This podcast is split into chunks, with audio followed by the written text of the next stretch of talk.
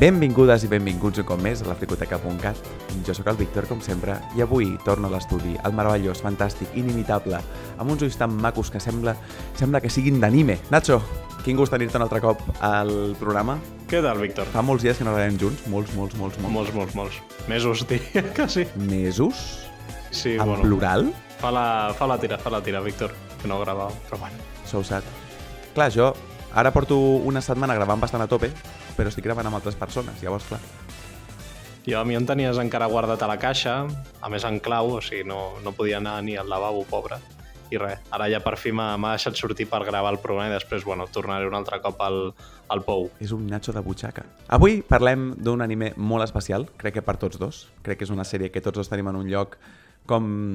No sé, la posem en, en, a vegades en un pedestal, potser no et sabria dir, però abans vull parlar una mica de cosetes que han passat aquest estiu. I tant, han passat moltes coses i a més fa molt que no en parlem, Víctor. Mira, jo aquest estiu he anat a veure quatre pel·lícules, de moment. Ah, sí? Des A de... veure? Sí, des de Sant Joan aproximadament, és a dir, des del principi de l'estiu, he anat a veure quatre pel·lícules al cinema. Ok. Una d'elles ha estat Indiana Jones.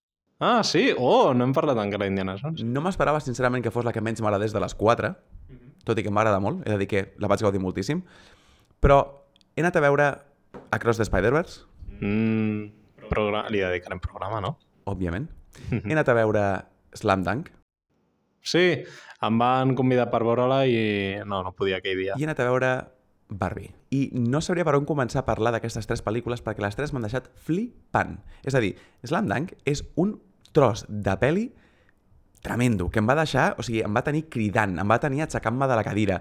Va ser espectacular. Una pel·lícula d'esports tan ben escrita, amb un rerefons, amb un... Bueno, mua, brillant. O sigui, em va semblar la raó perfecta per la qual... Um, no em surt el nom de l'autor... Takehiko Inoue decidís tornar aquests personatges i aquesta, i aquesta història perquè li va fer moltíssima justícia a, a tot el, el món de Slam Dunk amb una pel·lícula rodona, de les millors pel·lícules d'anime que he vist mai, sincerament, sobretot de les que estan basades en una sèrie. Després, um, a través del multivers de, de Spider-Man, que em va semblar millor que l'anterior, però no diré res més perquè ja li farem un programa sencer a aquesta pel·lícula. Exacte, exacte. Que de fet potser a Slam Dunk també li fem un programa sencer, perquè tinc una, una amiga que és amb qui vaig anar a veure la pel·lícula, amb qui estem comentant que potser s'anima a fer el, el programa amb mi. Molt bé. I després, Barbie. Mare de Déu amb Barbie. O sigui, jo entenc que quan esperem aquest programa, que serà més o menys a finals d'agost, qui en més, qui en menys l'haurà vist tothom. Però mare meva, quina peli. Mira, és que em va agradar tantíssim la pel·lícula, jo anava a anar el dissabte a veure Barbie i el diumenge a veure Oppenheimer. Mhm. El combo perfecte, Barbenheimer. Ja saps que jo no sóc molt fan de Christopher Nolan, en general. És a dir, hi ha pel·lícules seves que m'agraden molt, com per exemple um, la d'Abra Cadabra, que no sé com es diu. Um, De Prestige, però, però m'agrada aquesta, aquest títol improvisat, no? El doblatge en català és Abracadabra. exacte. Um, Interstellar em va agradar també, hi ha coses que m'agraden seves, però generalment em sembla pretensiós, avorrit i, i, i un, el típic mm, director per film bros. I mira, vaig sortir de Barbie tan absolutament encisat i tan meravellat per la pel·lícula que va ser com un... És que no vull tornar a mirar una pel·lícula dirigida per un home en un mes. Sincerament. Um, no sé, eh, no, no em venia de gust treure'm el bon gust de boca de Barbie, anar a veure una pel·lícula de, de Christopher Nolan. Potser la miri algun dia, potser la miri la setmana vinent, potser la miri quan estigui a la tele o plataformes de streaming, però la veritat, si, si, no sé si ho estaves dubtant o no, però vés a veure Barbie ja. Sí, Demà. Avui. Curiosament, tenia la, la dicotomia no? entre si anar a Barbie o, o Oppenheimer i és com... Oppenheimer sé que em trobava una pel·lícula, com dir-ho, segura, és a dir que, bueno, sé a lo que vaig, no? Vaig a veure Nolan, m'espero que serà una pel·lícula, com dir-ho, eh, de l'estil de Nolan, un biòpic de, bueno, d'una història que, de fet, ja sabem, no? Del creador de la bomba atòmica. Amb la qual és com, bueno, puc anar a una cosa que estarà ben feta, exacte, però que serà més o menys esperable, o puc anar a una cosa totalment caòtica que exactament encara no sé el que em trobaré, amb la qual pues, sí, eh, m'he decantat més per això, no? per la pròpia sorpresa de, bueno, a veure què, què em trobo. Jo t'ho dic, per mi Barbie és una de les pel·lícules més ben escrites i més fresques que he vist en tota la meva vida. És a dir, no vull sobrehypejar-la, perquè és un, és un risc, però estava mirant la pel·lícula i estava tenint aquesta sensació de què dimonis estic veient? No podia apartar els ulls de la pantalla, t'ho juro. O sigui... I per cert, la vaig veure en doblatge en català i el doblatge és fantàstic. És a dir, no només la qualitat de, de les actrius i actors que hi participen, sinó com està ajustat amb les bromes, amb els dobles sentits i tal, excel·lent, de veritat. O sigui, um, no sé si han tingut sort amb algunes coses que quadraven o és que s'hi han escarrancit moltíssim i han aconseguit que clavessin algunes coses de forma magistral, però de veritat, el doblatge en català d'aquesta pel·lícula, de fet, estava pensant, quan estava dient això de les quatre pel·lis que he vist, les quatre amb doblatge en català. Mm -hmm. Spider-Man, Indiana Jones, uh, Slam Dunk i Barbie, les quatre amb doblatge en català. Que dius, oye, estamos consiguiendo cositas. Molt bé. Però bueno, avui no estem parlant d'això, avui parlem de Samurai Champloo.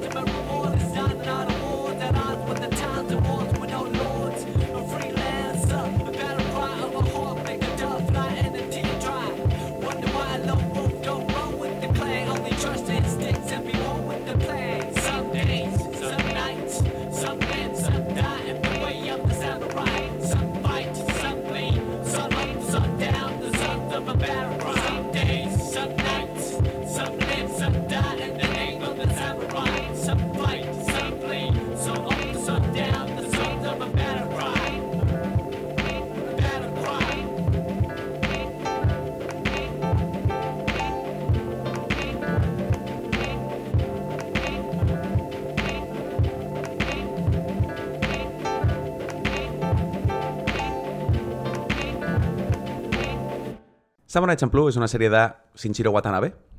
Qui no el conegui és el director de Cowboy Bebop. Suposo que és una sèrie que és més famosa, potser a casa nostra. Potser per, per l'adaptació que va fer Netflix, eh, els que no, jo, ja no coneixien l'anime, doncs, bueno, potser els hi ha arribat per això, però, sisplau, quedeu-vos amb l'anime. No us lieu amb adaptacions de Netflix. Per mi és un dels directors d'anime més importants, o potser un dels meus preferits. Les sèries d'aquest senyor són unes sèries que van com molt de la mà amb una producció musical o una banda sonora espectacular i suposo que perquè ell ho decideix així, no? No sé, però no sé, què, què pots dir-nos de, del director de... Bueno, un petit detall que em fa gràcia, fa tres dies va sortir el tràiler de la nova sèrie que farà, Lazarus Project. Ah, ara t'he pillat així sorprès. Mira, per veure després com és el programa. Així que suposo que per quan publiquem això potser ja ha sortit una miqueta més d'info. Per lo que està llegit, sembla que és una, pel·lic una sèrie de ciència-ficció eh, de, bueno, d'una mena de govern que utilitza com drogues, per dir així, o, o substàncies per controlar la penya, suposo, bueno, un, un rotllo així una mica raro.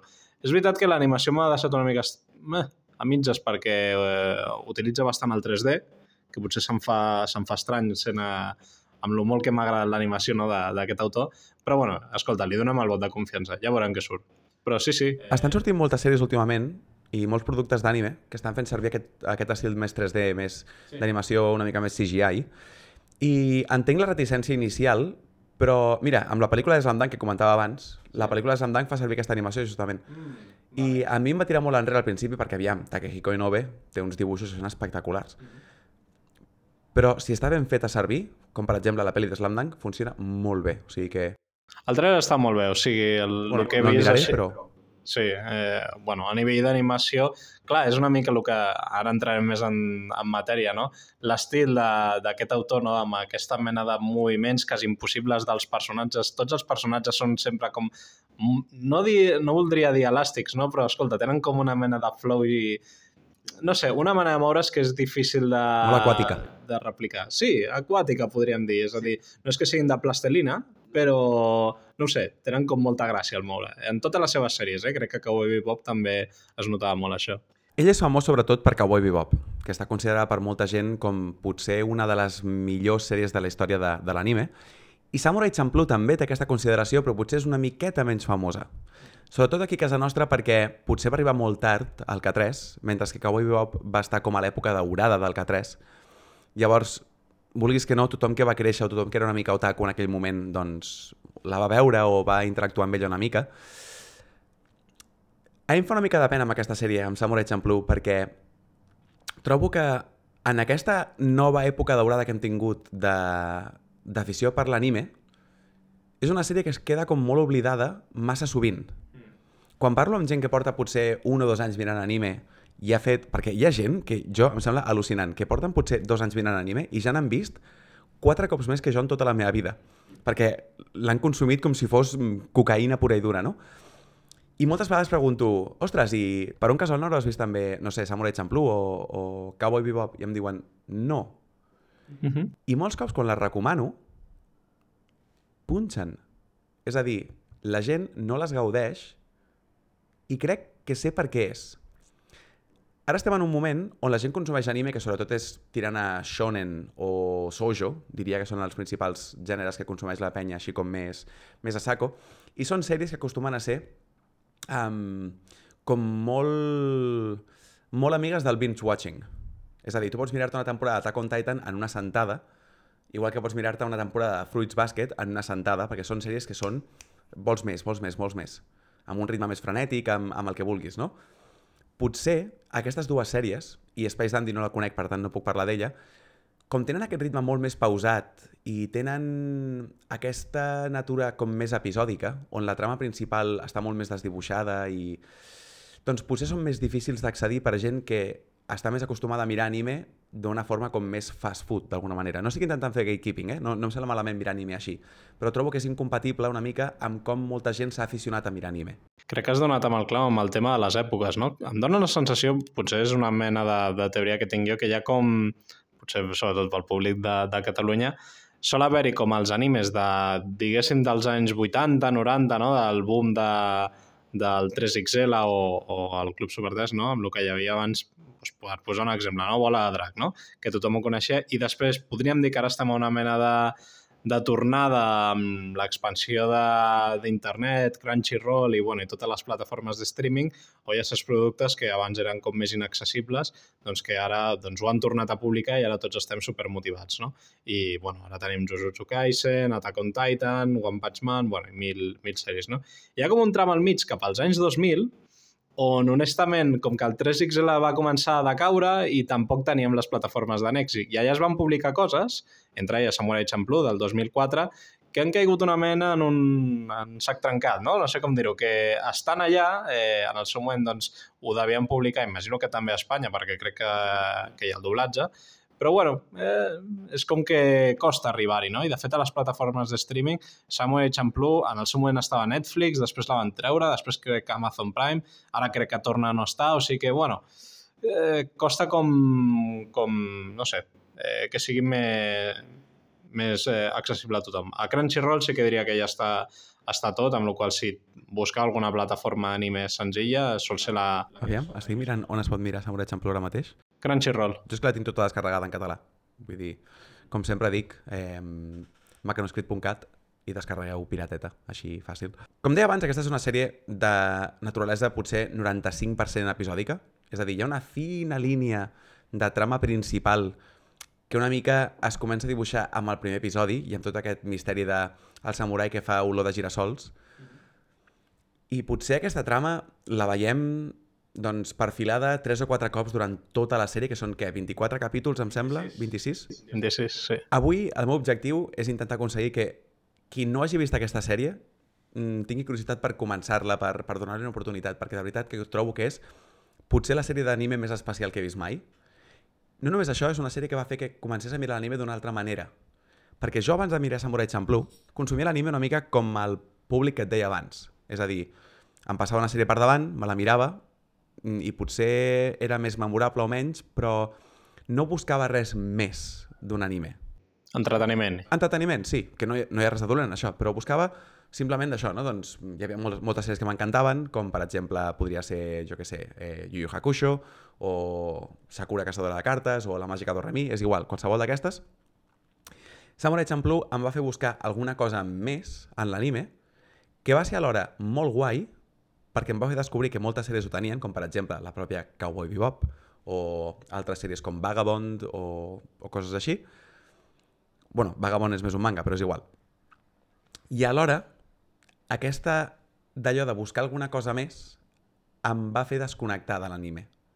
Perquè de sobte, els animes que abans m'omplien moltíssim ja no ho feien. Ja no trobava que, que tinguessin prou. Perquè de sobte, les lluites, perquè sí, em molestaven, les trames que no anaven enlloc em molestaven, perquè sí que és cert que Samurai Champloo és episòdic, però trobo que cada episodi està tan ben escrit que és com una mini pel·lícula tan rodona que no hi ha cap minut desperdiciat per mi a la sèrie. No sé si estàs d'acord en això. Sí, a veure, eh, em sabria greu com deixar de banda tots els animes que són, bueno, precisament es dediquen a l'entreteniment, no? Potser ja no arribaria a aquest extrem perquè és veritat que Samurai Champloo et fa descobrir, o bueno, potser hi haurà gent que ja haurà vist altres animes que ja li han donat aquesta sensació, no? Que l'anime pot ser com una cosa no, no voldria dir seriosa, no? però com un art, no? És a dir, que no estem aquí només per explicar-te una història i per passar-nos bé, sinó que pot ser com una eina, no?, per, ostres, plantejar-nos, eh, no diré dilemes, no? però bueno, situacions eh, que ens poden fer reflexionar, i fins i tot és el propi estil, o li diuen en anglès el vibe, de la sèrie, que és com una experiència. No? És a dir, tu quan mires Samurai Champloo, no sé com dir-ho, entres en el món de tal manera que poques sèries ho, ho aconsegueixen. És a dir, és la mescla entre imatge i, sobretot, eh, so, que és un dels temes més radiants, o almenys que a mi més m'ha fet sentir de la sèrie, que ho notes com una, una mena d'experiència de, de trance quan, quan estàs mirant. És a dir, potser, he de ser sincer, eh? no, no sóc capaç de recordar amb precís detall els arguments de cada episodi, però sí que em quedo amb les emocions que em van transmetre. Has entrat en temes molt interessants i has obert molts melons aquí. Sí. Primer de tot, comentar el tema de- d'això que dius del, del vibe o, o de l'atmosfera de la sèrie o de el gust de boca que et deixa. Que és, jo crec, el que molta gent recordarà. Eh? Quan acabi la sèrie, eh, remarco això, eh? potser, ja dic, no us quedareu amb alguna cosa en concret a nivell de fil argumental o història, sinó realment amb, amb l'emoció que us transmetrà. Sí. El qual és com molt difícil d'explicar a través d'un podcast de dos tios parlant, però la millor prova és fer-ho. O sigui, eh, veure diversos capítols i deixar-vos portar, de veritat. Has parlat del tema del, de les vibes, que, que ara hi entraré una mica més en detall. Has parlat també del tema de... Uh, la sèrie provoca moltíssims dilemes morals. Moltíssims. Um, en cap moment s'allunya de descriure realitats que podrien semblar fosquíssimes, amb una, de, una gamma de grisos a vegades que et fan empatitzar cap a algunes persones que són horribles, com, com és el cas de l'artista d'Aokiyo-e, que pertany a una, a una organització de tracte de blanques, per exemple. O, ostres, eh, aquí eh, es parla de prostitució, es parla de- d'esclavitud, es parla de màfies, es parla de... Hi ha una violència en aquesta sèrie, una violència que va molt més enllà de les, de les hòsties que es foten, que també entrarem després. La sèrie no només és difícil de, de mirar tota seguida pel fet que els capítols són autoconclusius, sinó perquè els capítols són molt densos en quant a temàtica, a sentiments, a sensacions que et deixa, que moltes vegades et deixen amb l'estómac una mica com regirat, no? Perquè sí que és cert que al final de cada aventura els nostres protagonistes se'n surten una mica, o se'n surten, però mai se'n surten del tot. Mai en surten victoriosos d'alguna manera. Sempre hi ha com aquest, rere, com aquest rerefons o aquest regust um, de sí, seguim vius, però a quin preu, no? Que per cert, crec que seria interessant que parléssim un segon de què va la sèrie. Sí. La sèrie ens presenta un trio protagonista que són la Fu, el Jin i el... Mugen. Mugen, gràcies. El Mugen és una mena com de pirata guerrer sense cap mena d'escola que va per la vida sent un criminal i guanyant-se la vida com pot. Aquí destacar per, per fer una analogia seria com el típic personatge de, de Shonen, eh, però, com dir-ho, amb, un- amb un punt extra de, de cafre i fins i tot de mala persona. De fet, fins i tot el, el Jin, que és com la seva... Eh, l'altra cara de la moneda, no? És el... Bueno, ara en parlarem És el d'ell. samurai de formació més... Més recte, més eh, ordenat, doncs això, que fa les coses, podríem dir, com... No sé com dir. segons un codi d'honor, més o menys. Exacte, segons el codi d'honor.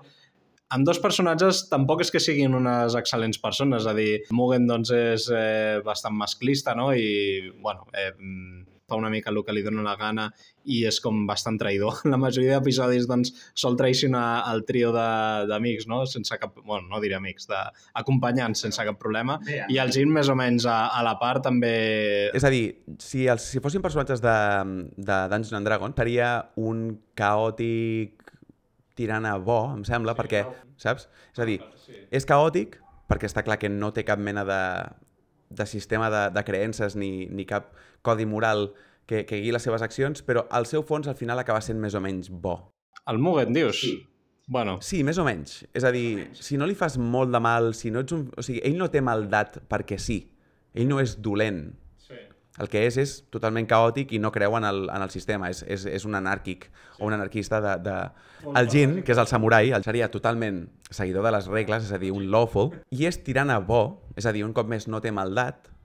El que passa és que viuen en un Japó, en un Japó de l'època Edo, que és un Japó que és salvatge total, és un Japó que és molt salvatge oest en alguns sentits, no? Perquè és la llei del més fort, és violència per tot arreu, és supervivència del, de l'estil més, més violent, com deia abans. Clar, al final és això, potser no és un tema tant dels personatges eh, en si que siguin, entre cometes, dolents o males persones, sinó directament és la circumstància, no? En l'època on els hi, ha, els hi ha tocat viure, doncs era així, el Japó feudal i una mica és, la, és el que hi ha. I després tenim a la Fu, que és la meva preferida, sincerament, a mi m'encanta. La Fu és un personatge, és, és una noia jove que està treballant un dia a la seva, al seu restaurant o al restaurant on treballa i bé, per culpa d'una trifulca entre el Mugen i el Jin, el restaurant acaba incendiat i fet una merda i per compensar-la d'alguna manera prometen acompanyar-la en el seu viatge de buscar el samurai que fa olor com els girassols. Bueno, de fet, tot queda decidit en un llançament de moneda a l'aire. Bàsicament, si surt que ara eh, els dos samurais, el Jin i el Mugen, es maten entre ells, és a dir, perquè a més hi ha una mena de rivalitat a l'inici que creix com una espurna molt absurda, és a dir, doncs perquè, quasi que perquè sí, doncs es volen eh, combatre a mort entre els dos, i si surt creu, doncs acompanyen a Fu a trobar el, el samurai que fa olor a, a girassols, no? I, bueno, evidentment, doncs surt creu i, per tant, es veuen com mig obligats a acompanyar-la, tot i això amb aquesta mena de desig inherent de que quan acabi aquesta aventura, bueno, ells dos tenen el seu assumpte pendent i lluitaran a mort. És la seva idea i, bueno, sí, estan acompanyats perquè, mira, perquè toca, però no s'obliden mai d'això i va sortint recurrentment als episodis. No és una mena de broma que apareix a l'inici, sinó que realment els tios s'ho prenen en sèrio. I aquesta és una mica com l'excusa, és el que posa la sèrie en marxa. Llavors, la sèrie és bàsicament els tres personatges viatjant pel Japó buscant pistes o buscant gent que sàpiga alguna cosa d'aquest samurai que fa olor de girassols i van vivint doncs, diferents desventures, van vivint, perquè un dia s'estan morint de gana i han de treballar per no sé què, un altre dia entren a un concurs de menjar arròs... La sèrie en si, a mi em sembla una meravella en, en com s'escriu, en com es desenvolupen els personatges, en com el, la seva dinàmica va, va creixent i la seva amistat o la seva sensació de família, una mica per circumstàncies del destí, um, no sé, va, va, va desenvolupant-se al llarg de totes aquestes, um, no sé, mm, desaventures, per dir-ho d'alguna manera. Però és que el que estaves dient abans del, del vibe d'aquesta sèrie, que és potser el que la distingeix o el que la fa més especial per sobre de tota la resta de les coses, perquè la sèrie em sembla que està molt ben escrita, que té molt bona acció, de la que ja parlarem després, però d'alguna manera quan tu penses en anime, i potser si has vist 50 shonens a la teva vida, o 50 soujos a la teva vida, te n'adonaràs que la majoria tenen un look and feel, un vibe, una atmosfera, digue-li com vulguis, que és bastant la mateixa. Per això, quan hi ha un anime que té una proposta de, de posta en escena tan especial, o una mica diferent, acostuma a ressonar tantíssim en el públic. Penso en uh, One Punch Man, penso en, encara que a mi no m'agradi gens, en Jojos, saps? Són sèries que més enllà de la proposta narrativa o, o del que estiguin fent, van més enllà en el que volen fer a nivell estètic, a nivell visual, no? En One Punch Man penso més en el manga, on les pàgines sembla que cobrin vida, i aquí hi ha una, hi ha una intenció molt clara artística, doncs penso que aquesta sèrie, amb el que fa amb els colors, amb les línies de contorn dels personatges, amb la música, amb els sorolls ambientals, amb el to nostàlgic, amb una sèrie de combinacions d'ingredients que no sé anomenar perquè és com molt inefable, em sembla, com deies abans, és molt difícil de posar en paraules el que transmet la sèrie a nivell estètic, fa que tot i que potser, com deies tu abans, no recordis després de la sèrie què cony ha passat a cada episodi, perquè la natura episòdica té aquesta, aquesta desavantatge, fa que et quedis pensant en la sèrie durant molt més temps i que la sèrie perduri molt més o d'una forma molt més duradera en el teu imaginari o en la teva subconsciència. d'alguna- No sé si m'entens el que estic dient o no. No, no, totalment, perquè és el que, el que penso jo. La sèrie és, és palpable, és, o sigui, és com que la pots llepar i, i té un gust diferent de les altres sèries. I m'ha fet gràcia el toc de nostàlgic. És veritat que és estrany, perquè aquesta, aquesta sèrie l'he vist ja, ja d'adult, no sé quants anys tenia, però té com un caire de... Melancòlica. Mala... Exacte, és això, la melancolia. Nostàlgia potser no és la paraula correcta, diria més això, la, la melancolia que et transmet el, el veure, i no com algo trist, eh, sinó com algo positiu, d'una sensació de, bueno, de... molt experiencial, no? de... basat en les en l'experiència. Però també trist, perquè és una sèrie molt trista. Sí, amb els seus tocs d'humor, eh, tot i això, i, i escolta, no, o sigui, la recordo amb, amb un sentiment com positiu, és a dir, no, no és una sèrie que a mi em, em deprimís, saps? No sé. Tot i que la, la temàtica sigui fosca, hi ha com certa espurna de- d'esperança, no? La que va la... o almenys la sensació general que a mi em va transmetre. L'has vist un cop només? Sí, un cop, bueno, no, mentida, un cop i, i capítols soltos. Sí, és graciós perquè això ho hem comentat alguna vegada ja, però jo la sèrie l'he vist com quatre cops i només la vaig acabar a l'últim cop, Sí. però perquè no volia acabar-la. És a dir, m'agradava tant el viatge, m'agradava tant el que m'estaven explicant i com ho estaven fent, que no volia saber què passava al final, no volia arribar-hi. Al final ho vaig fer, em va encantar com, com l'enllesteixen. De fet, hi ha molta gent que diu que és una sèrie que va cap a, va cap a pitjor, i per mi tot el contrari, perquè és una sèrie que no para de créixer en quant a, en quant a qualitat, en quant al meu investment en la sèrie. És que no vaig notar cap moment que decaigués la festa. És a dir, per mi hi haurà capítols que potser la gent desconnecti. La característica aquesta tan episòdica, he sentit comentaris que hi ha gent que es queixa ostres, és que aquest capítol no l'he entès, o a cuento de què venia. Hi ha una, mira, ara que estem en, la, en el mes d'Oppenheimer, hi ha un capítol que directament és una alegoria de la bomba atòmica i, i té un final que molta gent considera molt frustrant si estàs acostumat a tenir eh, doncs, capítols, com dir-ho, que, que no sé com dir-ho, no? que, que tenen conseqüències. I Samurai Champloo doncs, a vegades té aquest punt, no sé si dir cafre, no? de que et presenta una història, te l'acaba i no té per què ser rellevant pel futur. I, i aquesta, aquest famós capítol, que no faré spoilers perquè és graciós de veure'l, però, però que clar, continues al capítol segon i dius, ostres, mm, a què venia el que he vist abans, no? Bueno, és curiós. Trobo que hi ha, hi ha, gent creadora, o gent creativa, l'hora dels quals t'hi has d'apropar amb la ment molt oberta. Si tens la ment tancada i ets un cap quadrat, no funcionaran. Penso en gent com Wes Anderson. Penso en gent com, per exemple, Greta Gerwig. Penso en Hayao Miyazaki. I, en aquest cas, a Samurai Champloo, si tu vols capítols on tot tingui una, un principi, o sigui, un inici, nus i final, on tots els capítols portin a... D'acord, hem vist això, per tant, el segon capítol ha de ser això altre o el que sigui, oblideu-vos-en, perquè la sèrie no té cap mena de lligam, fa el que li dóna la gana, i si ha de fer, com dius tu, una cosa cafre, entre cometes, en un episodi, simplement perquè el director li venia de gustar aquell moment i pensava que funcionava, ho farà. I és que li és igual si et sembla bé, si et sembla malament, tu has de continuar amb el viatge perquè has d'entendre que el viatge és l'important, suposo, amb aquesta sèrie, no? Exacte, sí, i no tingueu pressa per arribar al final de, de la sèrie, de veritat. Eh, si heu de veure un o dos capítols al dia, ja està bé, perquè hi ha molt, I amb un en tens prou. hi ha molt, de, hi ha molt de contingut per capítol. Aquest és un tema que ho hem parlat així molt de puntetes, no?, sobre el tema de binge watching, binge watching, Binge watching. binge watching, però de veritat, perquè si no arribarà al final, us agradarà, però, però això, us ha donat un altre com d'una sèrie que, ostres, val la pena gaudir-la a poc a poc. En la qual, això, no, no tingueu pressa. Al final, doncs, arriba, són 26 capítols, amb la qual s'acaba relativament ràpid, eh, i l'important, ja destaquem, tot i que l'últim capítol estigui molt bé, etc etc, és tot el que han viscut, el que ho fa especial. Trobo que hi ha dos temes que són importants de comentar aquí. Un és el tema de l'acció. Poques vegades he vist jo lluites d'anime tan ben fetes com en aquesta pel·lícula, en aquesta sèrie, la veritat. Em costa molt. Estic intentant pensar en alguna, alguna altra sèrie que escrigui tan bé l'acció com aquesta i em costa molt. Té un punt entre Jackie Chan a vegades fent servir com objectes i sent com ridícula. Um, té una coreografia excepcional, té una, una fluidesa en el moviment que comentàvem abans que era com gairebé com aquàtica.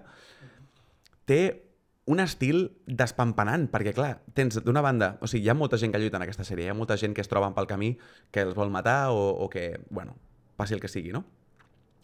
Però si ens centrem en el Jin i el Mugen, el Jin sent l'ordre, el, la, la màxima excel·lència de l'art marcial del kendo, no? de l'espasa tradicional, de, del respecte cap a l'arma, etc. I sent el Jin el caos absolut. És una mena de barreja entre break dancer, lluitador, lluitador de capoeira, um, no sé, mosqueter... O sigui, té com una, una amalgama de- d'estils i de tot que fa que quan lluitin els dos haurien de ser batalles impossibles de coreografiar, però funcionen molt bé.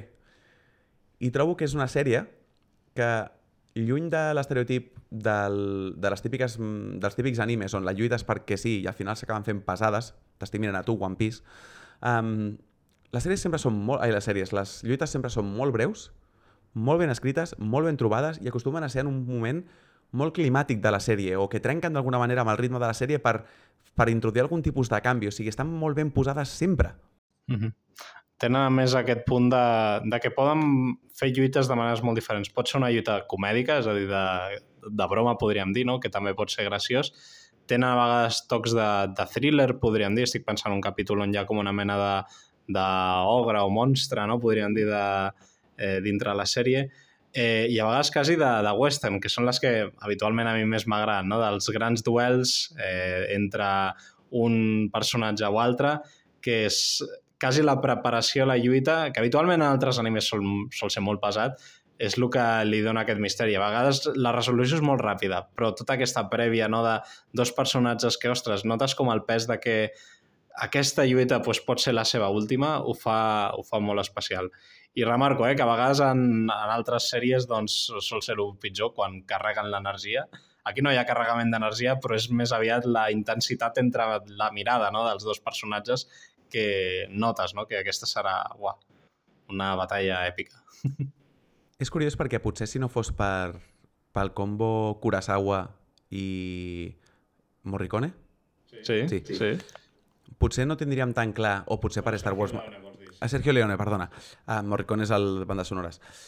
O per, per Star Wars, que també va fer molt el, el paral·lelisme entre el western i el cinema de, de samurais, però aquí aquesta combinació entre el oest i, i l'est, o orient i, i occident, funciona molt bé en aquestes batalles o aquestes lluites, o aquest salvatge oest del Japó feudal. Però la, la combinació entre Occident i, i Orient que s'emporta la palma aquí crec que és el, el que funciona a nivell musical. Jo sempre descric aquesta sèrie com una sèrie de samurais i hip-hop perquè és aquesta combinació de dues cultures, no? de, del hip-hop, de la música, combinat amb tota l'estètica i tota la cultura japonesa més, més tradicional. És una combinació que no hauria de tenir cap mena de sentit, que no, no, no, no entenc encara com funciona tan bé, però és excepcional. La música d'aquesta sèrie, la de, o sigui, la de Cowboy Bebop és bona. La d'aquesta sèrie és millor encara. Aquest gènere musical que està tan de moda avui en dia, que és el, el lo-fi hip-hop, neix amb aquesta sèrie pràcticament. Òbviament de la mà de Nujabes, uh, un compositor que, si no m'equivoco, és mort ara mateix. Sí, va morir super jove als 30 poc anys, mm -hmm. el qual ja, honestament, doncs, té molts poc, molt poc àlbums, no sé, els, els que va treure per Samurai Champloo i poca cosa més. Va ser una pena. La música d'aquesta sèrie, no sé quantes cançons té, però són moltíssimes i, i és que és, és l'acompanyament perfecte. És una d'aquestes coses que hem dit moltes vegades tu i jo, on la música és una part tan essencial de l'èxit del producte final que és inseparable. No és, no és, no és, o sigui, és impossible imaginar Samurai Champloo sense la música i és impossible imaginar la música de Samurai Champloo sense Samurai Champloo. Hi ha capítols on la barreja entre cultura rap o cultura hip-hop o cultura del carrer nord-americana i cultura japonesa arriba a nivells de introduir el graffiti, introduir el, el freestyle i el beatbox en... De veritat, és que no es pot explicar, s'ha de, de viure, s'ha d'experimentar aquesta sèrie, perquè és que no, no tinc prou paraules com per, per poder-la simplificar, no ho sé. Només destacar que habitualment els openings dels animes per mi han de ser molt, molt bons perquè en el llarg dels 26 capítols em vulgui quedar a l'opening sencer. Habitualment, doncs, bueno, quan ja porto 10 capítols dic, bueno, vale, ja ho tinc escoltat, eh, em passo la intro, no? amb Samurai Champloo és, és inviable. O sigui, escoltar la cançó d'inici que és Battle Cry, oh, és que et fa entrar com... És com la prèvia, no? De, un petit massatge no? que et fan abans d'entrar a l'episodi en si. Uf, eh, és espectacular, la intro. Increïble. Jo no tinc moltes més coses a dir de la sèrie, però em sembla que tu tens un trivial. Tinc un trivial, i tant. Feia temps que no feien trivials. I... Crec que em dóna la sensació que el faràs bastant, bastant bé, aquest. Perquè m'has comentat algunes coses que he dit... Ah! M'han tret la pregunta. Però bueno, mira, va, comencem per, aleshores per les fàcils. A quina època està ambientat Samurai Champloo? Vols opcions o... A l'època Edo. Sí, molt bé, perfecte. Samurai Champloo. Què coi vol dir Champloo? O en anglès, eh, ai, perdona, que dic en japonès, Champoro, que és la paraula ori- original. Champú, hip-hop, mescla o història? Mescla. Molt bé, ben triat. Mescla de samurai. Suposo que pel mix de hip-hop, etc etc. No sé, eh, em feia molta gràcia que hagués sigut xampú i, mira, ho haguéssim volgut dir perquè sí, no?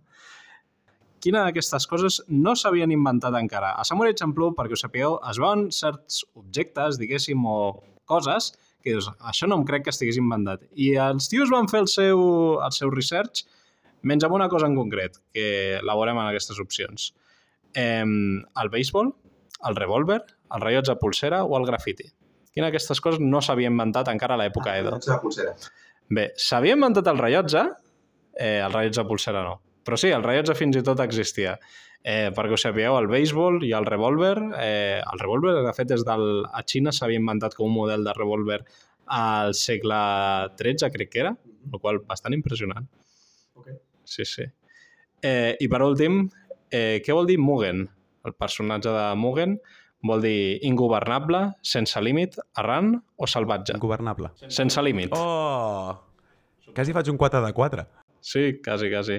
Sí, realment sense límit, perquè sorprenentment, tot i que no sigui potser el personatge, imagino, el, el més fort, el tio sempre, sempre se'n surt. El Mugen? Home, No? que no, és el, que no és el més fort. No, no, exacte. O sigui, és com que potser aparentment et sembla una persona que no hauria de ser com el personatge més... Bé, que sembla un gos de carrer, Exacte. Que ha passat gana i que ha, ha hagut d'aprendre a ser No violent. donaries un, un duro per ell el tio... Ahí està. Yes, yes. Estic molt content d'haver parlat de Samurai Champloo, la veritat, però moltíssim, perquè és, un, és una sèrie que, com deia abans, crec que per tu i per mi té un, un lloc molt especial en el nostre top o en el nostre, no sé, eh, no sé, eh, sèries o, o pel·lícules que tenim com a prop nostre. De fet, teníem un rànquing d'anime i jo crec que Samurai Champloo va acabar top. Jo Samurai Champloo el vaig posar al meu número 1, em sembla, sí, en aquell top, sí. diria, eh? Um, però em feia molta por parlar-ne, em feia moltíssima por, perquè és una sèrie que, com dèiem abans, com depèn tant dels vibes, no sabia si tindria eh, prou vocabulari, d'alguna manera, per descriure-ho, per, per parlar-ne, perquè crec que, sincerament, si no has vist la sèrie i has escoltat el programa, crec que no t'has enterat de res. No, a veure, si l'has que... vist, crec que com ja saps de què parlem, quan dèiem segons quines coses ja com captaves el que estàvem dient. Sí, no, com, com a resum, jo crec que en aquest programa hem sobrevolat molt, és a dir, no hem entrat en matèria, però perquè crec que la gràcia és descobrir-ho per, per un mateix i perquè, un altre cop, remarcar que no val la pena posar-se a entrar en detalls de la història. És un, és un vehicle secundari per l'experiència. És Sí. que crec que podríem fer l'espoiler de com acaba, que no ho farem, òbviament, Home, no. Però... Vale. i tot i així, crec que la, el viatge o tot el que passa seria igual d'excepcional. Exacte, sí. Perquè com dius tu, el, la història és com una excusa més aviat. El, el fil argumental és una excusa. La resta és el, el cor de la sèrie d'alguna manera. Per tant, si l'heu vist, esperem que us hagi agradat, perquè, i, i no sé, ens podeu dir si l'hem fet justícia o no. Si no l'heu vist, esperem de tot cor que la mireu. Com deia abans, aneu a mecanoscrit.cat o Anime Lliure i descarregueu-lo en català, que té un doblatge fantàstic. I no sé, digueu-nos què tal, què us ha semblat, perquè nunca està de más. I bé, això ha estat tot per avui. Si us ha agradat, com sempre, ens podeu seguir a Twitter, a arroba la barra baixa fricoteca, la primera amb K i la segona amb C. Jo he estat el Víctor I el Nacho? i això ha estat la fricoteca.cat. A reveure. A reveure.